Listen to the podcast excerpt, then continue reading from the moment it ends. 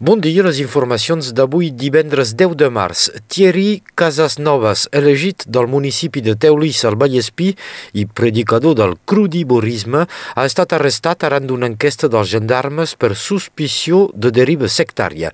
Segons el diari Midi Libre, serà presentat avui davant del jutge. Thierry Casasnovas és perseguit per pràctica il·legal de la medicina i pràctiques comercials enganyoses. El guru del Vallespí ja havia estat assenyalat desenes de vegades als serveis de Mivilude, la missió interministerial encarregada de vigilar les derives sectàries. Els catalans del nord són els campions dels estalvis energètics. L'empresa Enedis acaba de publicar les dades del consum elèctric, una classificació on Catalunya Nord puja al podi dels territoris que més han reduït el seu consum amb una disminució del 12,7%. Segons les dades d'Enedis, a Catalunya Nord, la majoria de les cases s'escalfen amb radiadors elèctrics, un 54%.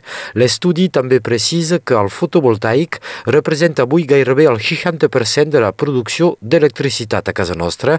En l'altre sentit, la producció hidràulica ha baixat al 10%. Una bona notícia per l'economia catalana. La societat Ciplan, instal·lada a Cabestany, produirà tots els plans d'intervenció i d'evacuació de 4.000 citis de la vila de París. L'empresa rossellonesa s'adjudica un mercat gegant i prestigiós, 800 centres escolars, 200 ajuntaments i un miler d'instal·lacions esportives tindran plànols fabricats a Catalunya Nord. Ciplan és de les poques empreses del sector que no s'ha pas deslocalitzat tot se fa a Cabestany, on emplega una quarantena de treballadors. An d'hora després d'un llarg procés administratiu i judicial, s'ha estrenat el primer casino. Fa poc encara, les lleis anduranes prohibien els jocs de ruleta, de pòquer o de blackjack. L'argument per l'obertura del casino és turístic, amb la intenció d'atreure nous perfils de visitants. El casino, de 7.000 metres quadrats, ja funciona al vell mig d'Andorra la Vella i els propietaris esperen atreure 200.000 visites al primer any. Andorra tampoc no pretén pas esdevenir com el Principat de Mónaco, és la primera i única llicència d'aquesta mena que es concedeix, segons s'ha declarat César Marquina, ministre de Finances i portaveu del govern. En esports, molt bona operació dels dracs que van guanyar a Wigan 10 a 18. Els catalans van patir de valent sota la neu. Feia 12 anys que no guanyaven pas al camp de Wigan. La defensa catalana va saber controlar un partit tancat i molt físic. Els dracs catalans són al cap de la classificació de la Superliga, 4 partits i 4 victòries. En boxa, el català Michael Diallo combatrà demà dissabte a Bèlgica pel títol de campió WBA intercontinental.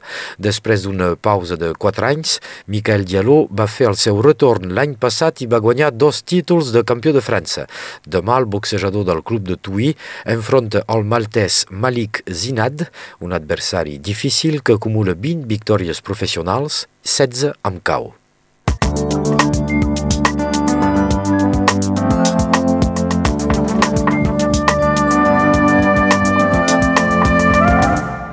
Gràcies, Sebastià. Passem ara a la previsió del temps amb Meritxell Cristòfol.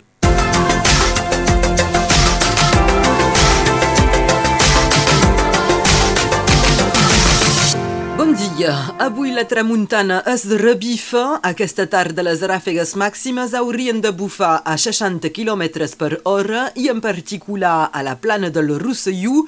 Al llarg del dia el cel hauria de ser gris. Arreu del territori les temperatures són a l'alça i per sobre de les normals per la temporada. Es preveu 20 graus a Perpinyà, 19 a Prada, 18 a Canet i al Boló, 17 a 20 grau, 15 a Prats de Molló, 11 a Sayagosa i 8 graus a Formiguera. Aquesta tarda el sol es pondrà a les 6 hores i 48 minuts i avui celebrem Santa Patrícia.